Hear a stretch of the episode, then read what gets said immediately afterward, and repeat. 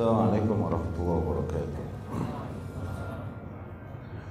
بسم الله والحمد لله وقد كفى والصلاة والسلام على سيد المصطفى وعلى آله وأصحابه ومن كانوا بآثاره مقتفى أما بعد.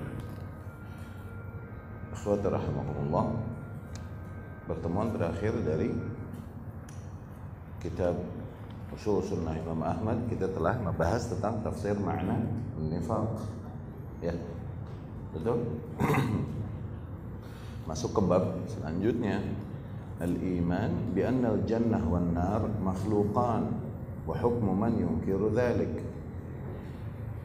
Mengimani salah satu usul akidah ahlu sunnah mengimani bahwasanya surga dan neraka makhlukan makhlukan di sini artinya dua makhluk maknanya telah diciptakan udah ada yang dimaksud di sini udah ada ya artinya demikian maksudnya wa hukmu man yungkiru dzalik dan hukum orang-orang yang mengingkari hal tersebut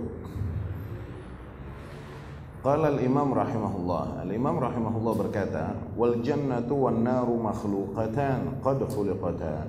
Dan surga dan neraka adalah dua makhluk yang telah diciptakan. Kama jaa an Rasulullah sallallahu alaihi wasallam sebagaimana datang kabarnya banyak dari Rasulullah sallallahu alaihi wasallam. Rasul sering berkata, "Dakhaltul jannah fara'aitu qasran." Aku masuk surga dan aku melihat sebuah istana di surga.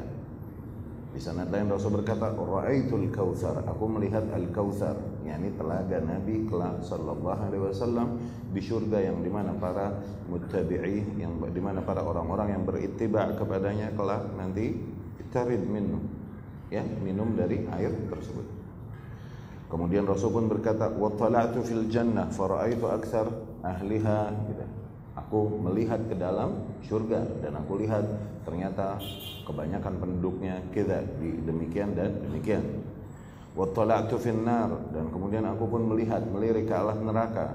Dan itu dan aku melihat di neraka. Demikian demikian. Banyak hadis-hadis yang semakna demikian datang dari Rasulullah sallallahu alaihi wasallam. Itu semua menegaskan bahwa surga dan neraka adalah dua makhluk yang telah diciptakan. Udah ada.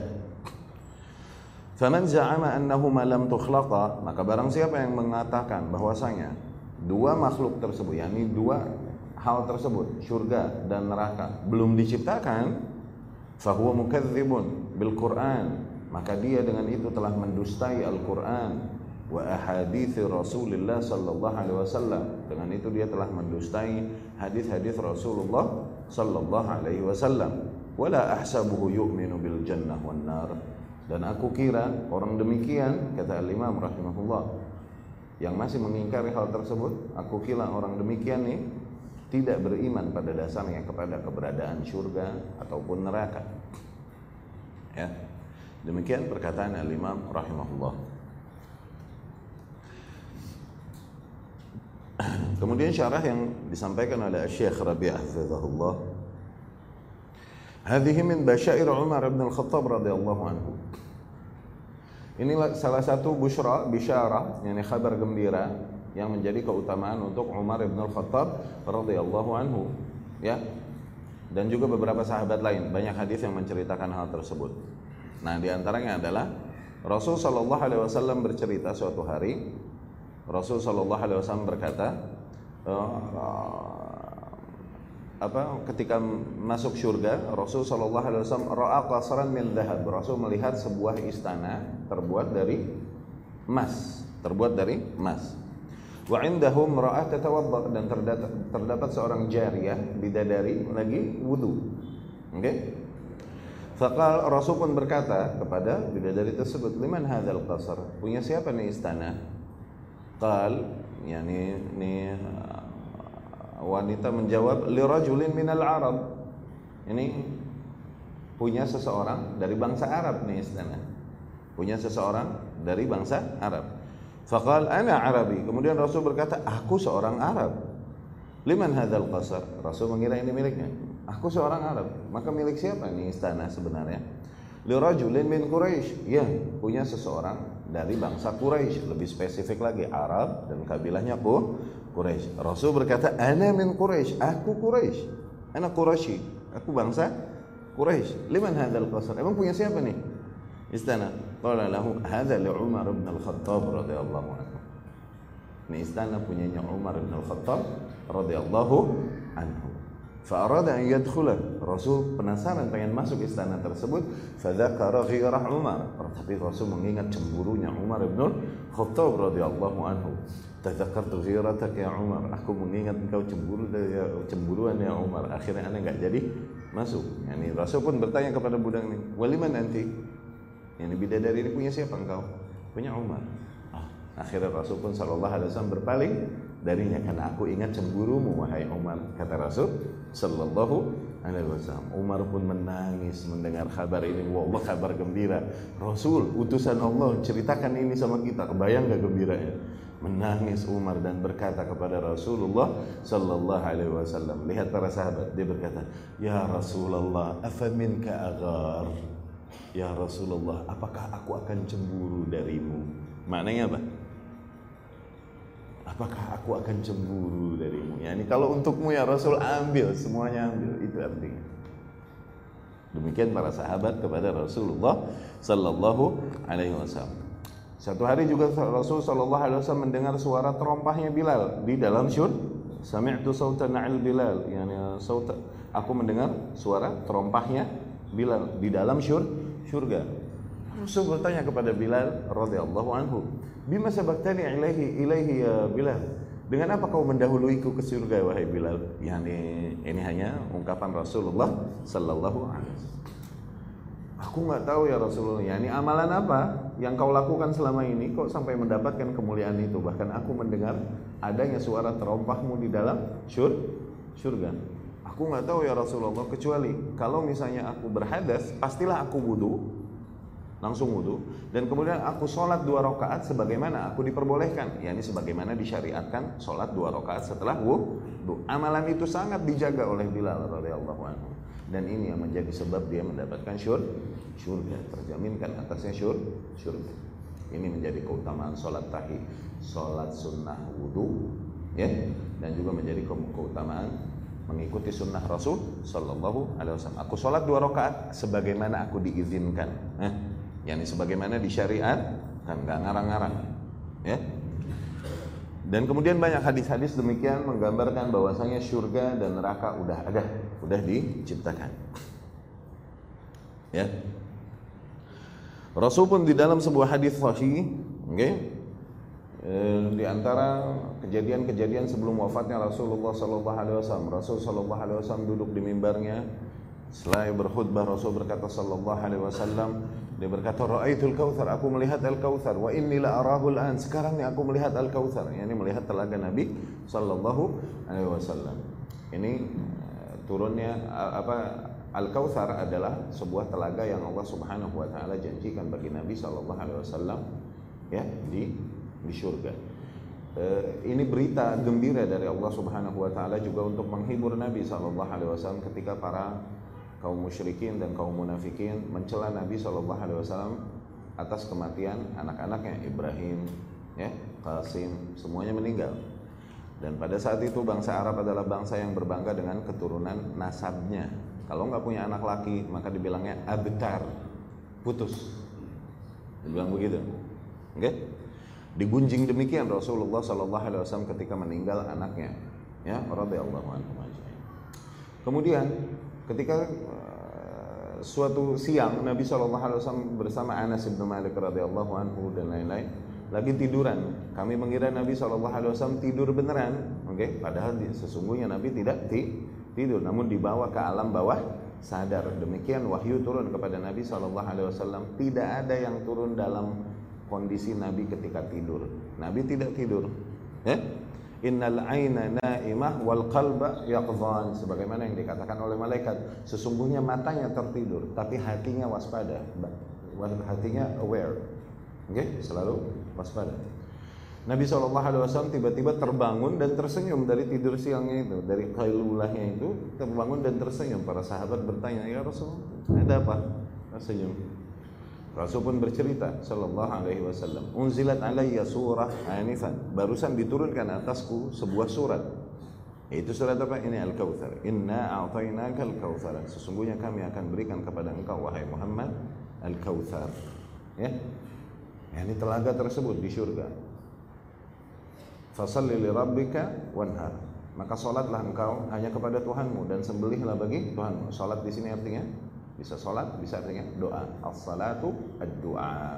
Maka dari situ salah satu unsur tauhid kita doa itu hanya kita ajukan kepada Allah Subhanahu wa taala. Ketika kita berdoa kepada makhluk, maka telah kita kita telah mempersembahkan bentuk ibadah kita kepada selain Allah. Wa syirkun dan itu bentuk kesyiri, kesyirikan. Fasalli li rabbik. Maka berdoalah hanya kepada Tuhanmu wanhar dan sembelihlah untuk Tuhan. Ya, Inna syani'ak sesungguhnya mereka yang menggunjingmu itu yang mencelamu huwal abtar. Mereka itulah yang sesungguhnya al abtar. Yang terputus itu mereka. Kata Allah Subhanahu wa taala. Nah, Al-Kautsar ini adalah telaga yang Nabi dijanjikan di surga. Nanti kelak di antara di antara uh, ahdath an-nihayah, di antara kejadian-kejadian akhir zaman yang diceritakan oleh Nabi sallallahu alaihi wasallam, tentunya Nabi mengkhabarkannya berdasarkan wahyu yang datang kepadanya. Nabi SAW menyambut umatnya di Al-Kautsar, di Telaga Kautsar. Nabi menyambut umatnya setelah melewati semua proses perhitungan, e, mizan, oke, okay? penampakan amalan, setelah melewati semua itu, bahkan setelah melewati asirat, setelah melewati jembatan. Nah, Al-Kautsar ini usul akidah, keberadaannya kita ya kini. Tapi posisinya di mana nanti baru terjadi perbedaan pendapat, awas. Ada yang bilang di dalam surga, ada yang bilang enggak itu di luar surga sebelum masuk syur surga. Nah, ini biasa. Ini namanya furu akidah. No. Furu akidah. Tapi keberadaannya diyakini diimani ya, keberadaannya diyakini diimani. Wallahu alam eh, yang ana fahami sejauh ini adalah nggak terlalu penting mau di dalam mau di luar surga yang jelas itu adalah salah satu bentuk di antara kenikmatan-kenikmatan besar yang Allah dengan itu muliakan umat Muhammad sallallahu alaihi wasallam. Nabi menyambut umatnya setelah melewati semua rintangan yang menegangkan tersebut, ketakutan yang benar-benar menghimpit hati mereka. Mereka melewati semua rintangan tersebut dan Nabi menyambut mereka di di Al-Kautsar itu, di telaga Nabi sallallahu alaihi wasallam. Dan Nabi mengenal umatnya di dalam riwayat Sahih Muslim dengan apa? Dengan tanda-tanda yang ada pada mereka, yaitu anggota wudhu yang bercahaya. Semoga Allah Subhanahu Wa Taala jadikan kita termasuk dari mereka. Anggota wudhu yang bercahaya wajahnya yakni ghurrah muhajjalin sebagaimana seseorang mengenal kudanya. Dengan apa? Dengan tanda putih yang ada di jidat kuda itu yang ada di dengkulnya yang ada di sikutnya kuda itu. Demikian kan seseorang mengenal kudanya membedakan kudanya dari kuda yang lain. Demikian kan? Ah demikian aku mengenal umatku. Dengan apa? Dikarenakan tanda-tanda bekas wudhu mereka itu bercahaya. Nabi saw menyambutnya menyambutnya dan kemudian mereka datang kepada Nabi Shallallahu Alaihi Wasallam. Namun sebagian umat Rasul tersebut ternyata dihalangi oleh malaikat sehingga tidak mendekati, tidak bisa mendekati telaga tersebut. Dihalangi berarti digiring ke arah neraka. Rasul pun Shallallahu Alaihi Wasallam awalnya membelanya, ya Rabbi ummati ummati, wahai Rabb mereka adalah umatku, mereka adalah umatku. Maka dikatakan kepada Rasul Shallallahu Alaihi Wasallam, Inna la tadri ma ahdatsu ba'dak Sesungguhnya kau tak mengetahui wahai Muhammad muhdas muhdas yang mereka perbuat sepeninggalmu. Tuh. Muhdas muhdas perkara-perkara baru inovasi-inovasi baru yang mereka buat sepeninggalmu. Wa kullu muhdatsatin itu salah satu syu'mul bid'ah, salah satu tercela dan celakanya bid'ah dan para pelakunya adalah terjauhkannya mereka dari telaga Nabi di syurga ma'azallah ma'azallah. Nabi pun mendengar demikian berkata sallallahu alaihi wasallam suhqan suhqan suhqan suhan ada bu'dan bu'dan itu ba'id ba'id jauh-jauh deh jauh-jauh deh gitu kata Nabi sallallahu alaihi wasallam. Ya Allah Subhanahu wa taala berfirman, "Walaqad ra'ahu nazlatan ukhra 'inda sidratil muntaha 'indaha jannatul ma'wa." Wa hadha min al-adillah allati taruddu ma yaquluhu al-mu'tazilah ad-dhullal alladhina yaqulun innal jannah wan nar ghair makhluqatain. Tuh. Dan di antara ayat-ayat yang menegaskan hal ini adalah Allah berfirman, sungguh Nabi SAW telah melihatnya di kali waktu yang lain. Inda sidratul muntaha, ketika Nabi SAW naik ke sidratul muntaha, yaitu ketika Isra Mi'raj. Sidratul muntaha itu apa? Sidratul muntaha adalah level langit yang paling tinggi di atas langit ketujuh udah. Yang terakhir itu sidratul muntaha. Di situlah adanya arsh. Di situlah adanya arsh tandunya Allah Subhanahu wa taala. Di atas arsy ada apa? Kursi. Oke? Okay? Dan Allah bersemayam di atas arsy-Nya. Kursi wallahu alam sebagian memahaminya itu artinya singgasana. Kursi, kursi, singgasana. Kursi raja, kebayang? Tapi ada yang menerjemah, diterjemahkan juga kursi ini maudhi'ul qadam, justru tempat alas kakinya Allah Subhanahu wa taala. Anak kuliah itu semua berada di atas arsh. Makhluk yang paling besar physically secara fisik yang Allah ciptakan adalah arsh. Nggak ada yang lebih besar dari arsh. Hah? Itu di Sidratul Muntaha semuanya. Di situ ada 70 ribu malaikat. Semuanya sujud kepada Allah Subhanahu wa taala. Nah, Allah menegaskan bahwa saya Nabi melihat surga pada saat itu juga. Ya, sallallahu alaihi wasallam, indah jannatul ma'wa. Pada di, di sanalah terdapatnya syur, surga. Nah, ayat-ayat dan dalil-dalil demikian adalah termasuk hujah-hujah yang dengannya kita membantah pendapat golongan Mu'tazilah, Abdullal yang tersesat. Alladzina yaqulun di mana mereka berkata innal jannah wan nar ghair makhluqatain. Sesungguhnya surga dan neraka ini belum diciptakan belum diciptakan. Ini pendapat golongan Mu'tazilah. Ya. Wa inna wujudahuma minal an abath. Dikarenakan apa? Menurut mereka, kalau surga dan neraka dari sekarang udah ada, maka abath, sia-sia mau ngapain? Fungsinya apa? Begitu. Okay? Dan abath, kesia-siaan ini ternafikan dari Allah dan dari syariatnya. Nggak mungkin Allah menciptakan sesuatu yang sia sia-sia. Fungsinya apa yang diadakan sekarang? Kata mereka demikian.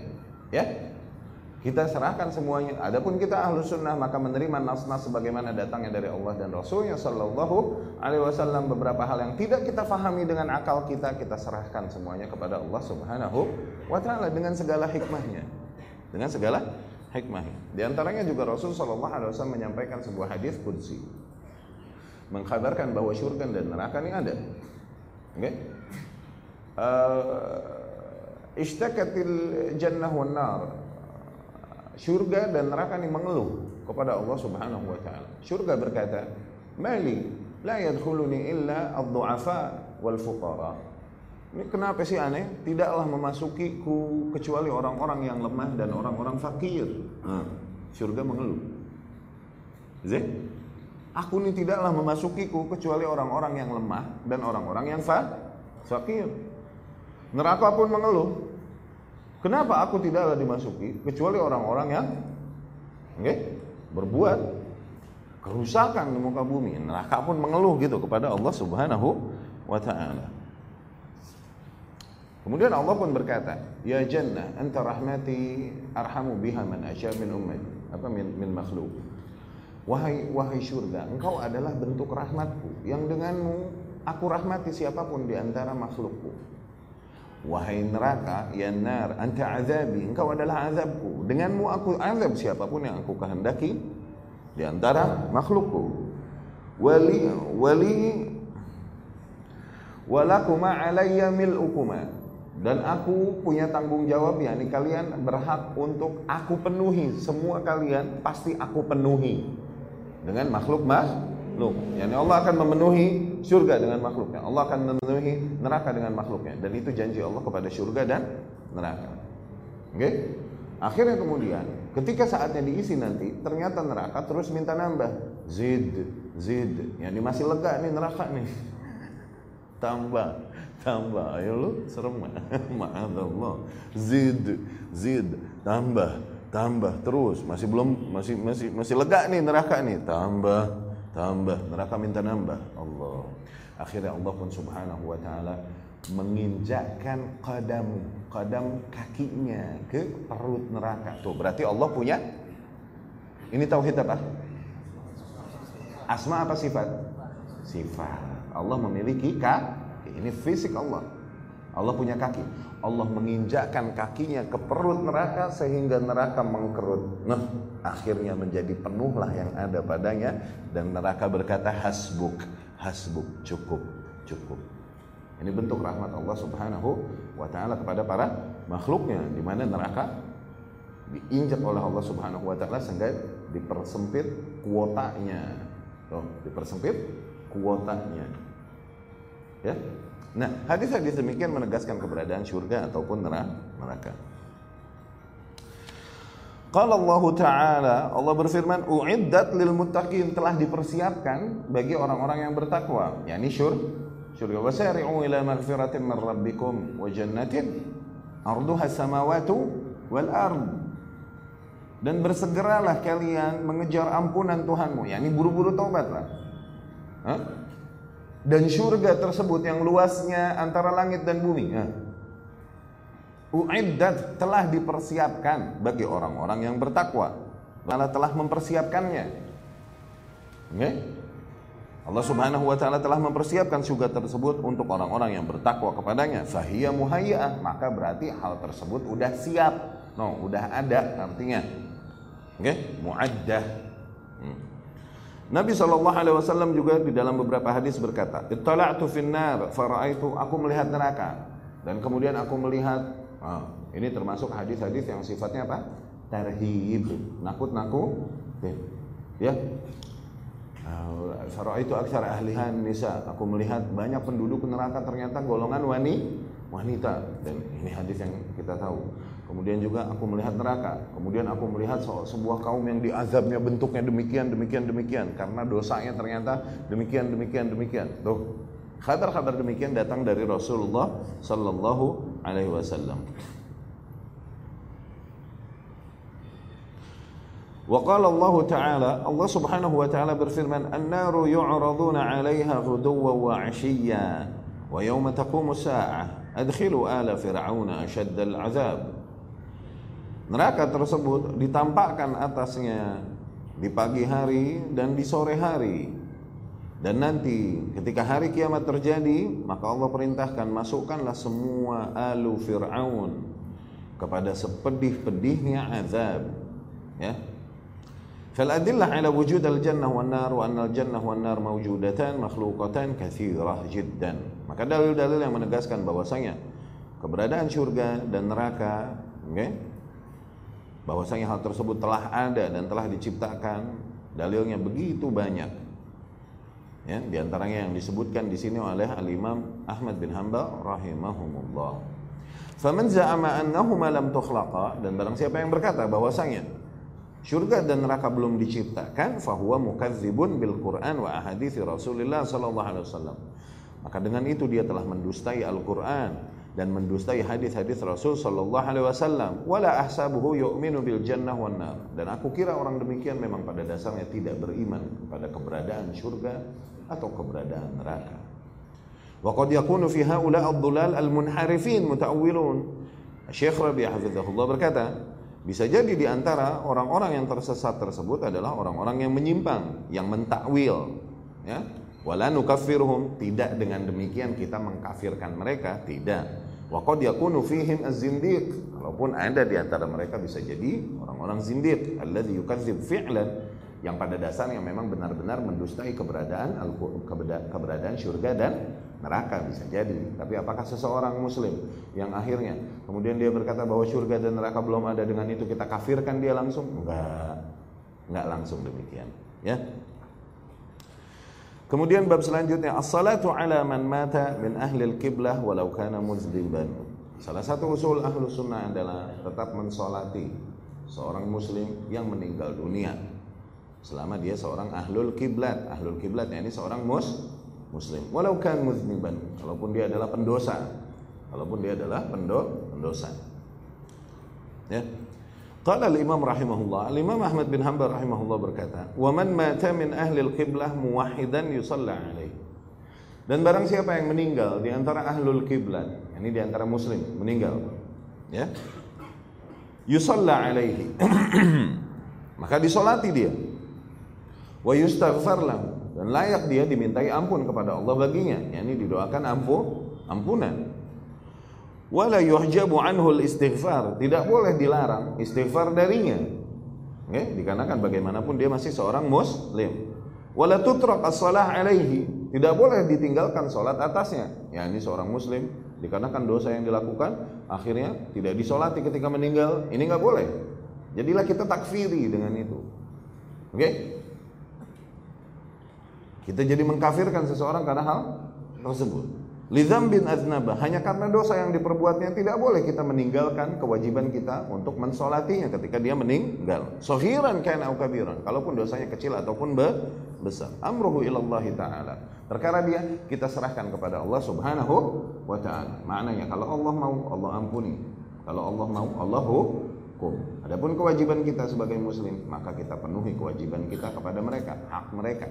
Yaitu apa? Untuk disolat, disolat hak mereka harus kita penuhi. Ya, nggak boleh kita meninggalkannya, meninggalkan sholat atasnya sehingga kita tidak sholatin dia hanya karena apa? Hanya karena dosa yang diperbuatnya, apalagi hanya karena nilai-nilai politik. Kesian orang-orang yang beriman kepada media dan terprovokasi oleh apa yang mereka konsumsi dari media ini kesian Allah sampai segitunya betapa mudahnya kita terprovokasi betapa mudahnya kita dikomporin dibakar. Oleh apa? Oleh situasi yang ada oleh media-media yang kita konsumsi. Yang kita imani begitu saja berita apa pun yang kita baca dan kita dengar. Langsung kita imani langsung jadi usul keimanan kita. Ya. Berakidah. Berwala dan bara. Kepada apa? Kepada medsos. Hujahnya adalah dengan Instagram dan Facebook, bukan lagi dengan qala Allah dan qala Rasul sallallahu alaihi wasallam, tapi qala Facebook, qala Instagram. Huh? Hujahnya dengan itu, tidak lagi dengan hujah qala Allah, qala Rasul, berpaling dari tuntunan para ahli ilmu di antara umat Muhammad sallallahu alaihi wasallam dan lebih mengimani apa yang mereka telan apa pun yang beredar pada media-media kafir atau media fasik itu. Ma'adzallah. Ya. Tidak demikian usul ahlu sunnah. Awas. Serusak apa pun seseorang di antara tetanggamu yang kau lihat meninggal, dia punya hak untuk kau solati. Fardu kifah, ya tidak boleh kau tidak mensolatinya hanya karena dosa yang diperbuatnya. Oke? Okay? Sedosa-dosanya kita hitung dia adalah seorang jahil yang tidak mengetahui apa yang wajib atasnya. Sudah, betul? Solati. Oke, jangan ambil resiko kau berijtihad menghukuminya sehingga kau punya peluang kau salah atau benar. Solatin aja udah, serahkan perkaranya kepada Allah Subhanahu wa taala. Ya. Syekh Rabi hafizahullah berkata, "Sa'usatul muslimin idza matu, maka para kaum muslimin ahli maksiat apabila mereka mati, nusalli alaihim. Bagaimanapun kita salat atasnya, yakni salatin. Al-usat hatta law kanu mubtadi'ah, kalaupun dia ahli bid'ah, salatin. Ya? Tajuzu salah alaihim, boleh salat atas mereka. Tapi untuk imam, untuk seorang imam, seorang pemuka agama atau seorang pemimpin, boleh dia berpaling sebagai bentuk zajer, boleh? Boleh. Contohnya Rasul Shallallahu Alaihi Wasallam tidak mensolati seseorang yang punya utang. No, Rasul imam nggak? Imam. Tapi Rasul tetap perintahkan, Sallu ala sahibikum, solatin sahabat kalian. Tuh. Tindakan Rasul tidak sholatin bukan artinya kita semua harus mengikuti Rasul dalam hal itu. Bukan, ini bentuk zajer, bentuk peringatan besar terhadap kekeliruan yang dilakukannya. No. Untuk imam mah boleh hal itu, awas. Tapi tetap sholat harus didirikan fardu kifah, kifayah. Dapat difahami itu? Jadi Rasul meninggalkan sholat atas beberapa orang bukan maknanya kita pun harus meninggalkan sholat sebagaimana Rasul lakukan Sallallahu Alaihi Wasallam. Yang dilakukan Rasul adalah bentuk zajer. Adapun mensolatinya tetap, tetap fardu kifayah atas atas tetangga tetangganya awas. Nggak ada yang nggak ada yang melakukan sama sekali semuanya dosa. Asimal jamiah. Ya, dapat difahami itu? Yang kusut. Jadi nanti ada beberapa pertanyaan pernah masuk Ustaz, ada riwayat bahwasanya Rasul tidak mensolati orang yang dosa demikian demikian. Apakah tetangga kita yang kita ketahui dia punya dosa begitu, terus kita nggak solatin? Loh, jangan nambah ribet nanti dakwah kita. Udah mau disebelin Wahabi. Ya. oh nih Wahabi nggak mau sholatin bokap gue nih pengen gitu iya nggak uh, ribet bro jangan sholatin tetap itu peluang-peluang kita di dalam kehidupan sosial untuk berda berdakwah ya Sebagaimana yang Rasul katakan sallallahu alaihi wasallam, "Sallu ala sahibukum." Salatin sahabat kalian fi rajulin mata wa alaihi dain. Pada saat seseorang meninggal ketika dia masih punya utang, belum dibayar utangnya. Oke? Okay? Kalau Abu Qatadah, pada saat itu Abu Qatadah radhiyallahu anhu berkata, "Ana atahammal dainah ya Rasulullah." Biar aku yang menanggung hutangnya ya Rasul. Yani dia ingin agar Rasul mensolatini sahabatnya radhiyallahu anhum ajmain. Akhirnya Rasul pun sallallahu alaihi wasallam mensolatinya. Wa nuhina 'anil salah 'alal kufar. Yang enggak boleh kita solatin adalah orang-orang yang fix kafir. Oke? Okay? Fala yusalla 'alal kafir wala 'alal munafik. Enggak boleh disolatin orang kafir ataupun orang muna munafik, enggak boleh. Ya, udah jelas itu. Wala tusalli kalau Ustaz awam kita awam Ustaz gimana kita menghukumi seseorang munafik apa enggak? Udah ente sih solatin aja deh, udah. Enggak usah pengen-pengen menghukumin orang. Okay? Wala tusalli wala tusalli ala ahadin minhum mata abadan wala taqum ala qabri. Ya. Di mana sebagaimana Allah berfirman dan janganlah kau mensolati salah seorang di antara mereka selama yang mati selamanya, yakni di antara ka, kafir. Wala taqum ala qabri. Dan jangan juga kau mendirikan salat di atas kuburannya. Wassalatu alal kafir wal munafiq la tajuz. Maka mensolati orang kafir, orang munafik itu tidak boleh.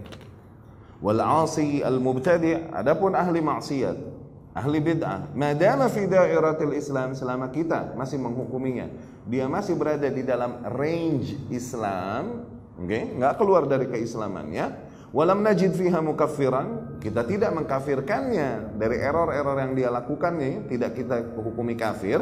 Qamat alaihi bihil hujjah fa innana nusalli alaiha. Maka kita tetap harus mensolatinya. Lakin lil imam walil alim. Tapi sekali lagi, seorang imam, seorang ahli ilmu boleh dia meninggalkan sholat kepada individu-individu tertentu demikian sebagai bentuk zajr. Sekali lagi, zajr sebagai bentuk celaan terhadap error yang dilakukannya agar apa? Supaya umat yang lain tidak melakukan kekeliruan yang sah yang sama. Itu fungsinya. Tapi tetap harus didirikan secara global, secara umum, ya. Ukubatan sebagai hukuman lahu waliyartadi an nasu an maksiatih sebagai bentuk punishment baginya dari dosa tersebut dan agar para orang-orang yang masih hidup pun hati-hati dari maksiat yang serupa. In kana asian wa an bid'ati apabila dia seorang ahli maksiat wa an bid'ati dan agar orang yang masih hidup hati-hati dari bid'ah yang dia perbuat in kana mubtadi'an apabila orang tersebut seorang ahli bid'ah. Walakin la namna'an nas tapi enggak boleh kita melarang manusia ayyusallu alaihi. Enggak boleh kita melarang manusia mensolatinya. Enggak boleh. Bal naqulu lahum bahkan kita harus katakan kepada mereka sallu ala sahibikum. Ya salatilah sahabat kalian. Ya. Demikian habis kitab Usul Sunnah karya Al-Imam Ahmad bin Hanbal. Al-Khatimah penutupan dari Syekh Rabi Hafizahullah beliau menyampaikan Intahaina walhamdulillahi rabbil alamin. Alhamdulillah kita telah menyelesaikan kitab ini. Wa bihadzal murur as-sari' dengan melewati kitab ini dengan cepat narju an nakuna qad istafadna kami harapkan agar kita telah mengambil banyak faidah dari kitab ini. Wa usi nafsi wa iyyakum bitaqwallah. Aku wasiati kalian, aku wasiati diriku dan wasiati kepada kalian untuk senantiasa bertakwa kepada Allah wal ikhlas lahu wal jiddi fi tahsilil ilm. Aku wasiatkan untuk senantiasa mengikhlaskan seluruh ibadah kita kepada Allah dan untuk bersungguh-sungguh di dalam menuntut ilmu dan di dalam bertegang berpegang teguh kepada kitabullah dan sunnah Rasul sallallahu alaihi wasallam dan kepada metode salafus saleh. Wa ana ansahukum dan aku nasihati kalian bihifdzi hadzal kitab al-azim untuk menghafal kitab yang agung ini as-saghirul hajm al-kabir al-qadr yang di mana fisiknya mungkin tipis kecil tapi faidahnya dan keagungannya sangat besar Usikum bihifzihi wa tafahumi. Aku wasiati kalian untuk menghafalnya dan memahaminya dengan baik. minhu tantalikun ila ma huwa awsa' minhu. Dari kitab inilah kita berangkat kepada kitab lain yang lebih luas dari kitab-kitab akidah yang dawwanaha aslafuna rahimahullah yang telah disusun oleh para pendahulu kita rahimahumullah. Li'ilmihim bimakanatil akidah dikarenakan luasnya ilmu mereka dan pemahaman mereka yang baik tentang posisi penting akidah wa makanat hadhil usul al-azimah dikarenakan mereka memahami ya posisi usul-usul yang agung ini wa qad taqaddama an Ahmad ibn dan sebagaimana telah dijelaskan oleh Al Imam Ahmad anna man akhalla bi aslin min hadhihi usul bahwasanya barang siapa yang terjadi error padanya pada salah satu usul di antara usul-usul yang disebutkan di, di dalam kitab ini fahuwa laisa min ahli sunnah maka kita hukumi dia bukanlah seorang ahlus sunnah. Terjadi pelanggaran di dalam satu usul di antara usul-usul ini itu bisa jadi seseorang dihukumi dia bukan ahlus sunnah ya ya Allah kalau awam selalu kita beli beri beri uzur beri uzur awam enggak kita hukumi tapi para ahli ilmunya yang kita hukumi demikian فيمكن أن تجعلوا مثل هذه الأصول مقياسا للفارق بين السني الصحيح وبين المبتدع Kalian bisa menjadikan usul-usul demikian itu menjadi barometer untuk membedakan antara seorang sunni, ahlu sunnah, as-sahih yang berada di atas manhaj yang hak dan antara al-mubtadi' di antara seorang ahli bid'ah. Bagaimana kita membedakan mereka? Bagaimana kita menilai mereka? Lihat dari usul-usul ini. Walau hasab nafs, walau hasaba nafsahu wa adkhala nafsahu fi ahli sunnah. Kalaupun ia menghitung dirinya ahlu sunnah, dan menjadikan mengiklankan bahwasanya dirinya ahlu sunnah namun kita dapat menilai hakikat perkaranya dengan memahami usul-usul demikian dan menerapkan nilai itu pada dirinya ya فإن بهذه الأصول يغربل ويفرق بين أهل السنة والجماعة karena sesungguhnya dengan usul-usul demikianlah dapat dibedakan antara ahlu sunnah wal jamaah ya dan orang-orang yang bukan dari golongan ahlu sunnah wal jamaah Wa ta'rifuna anna min usulihim al-wala wal bara. Dan sebagaimana kalian tahu, di antara usul ahlu sunnah adalah al-wala wal bara. Al-wala, loyalitas.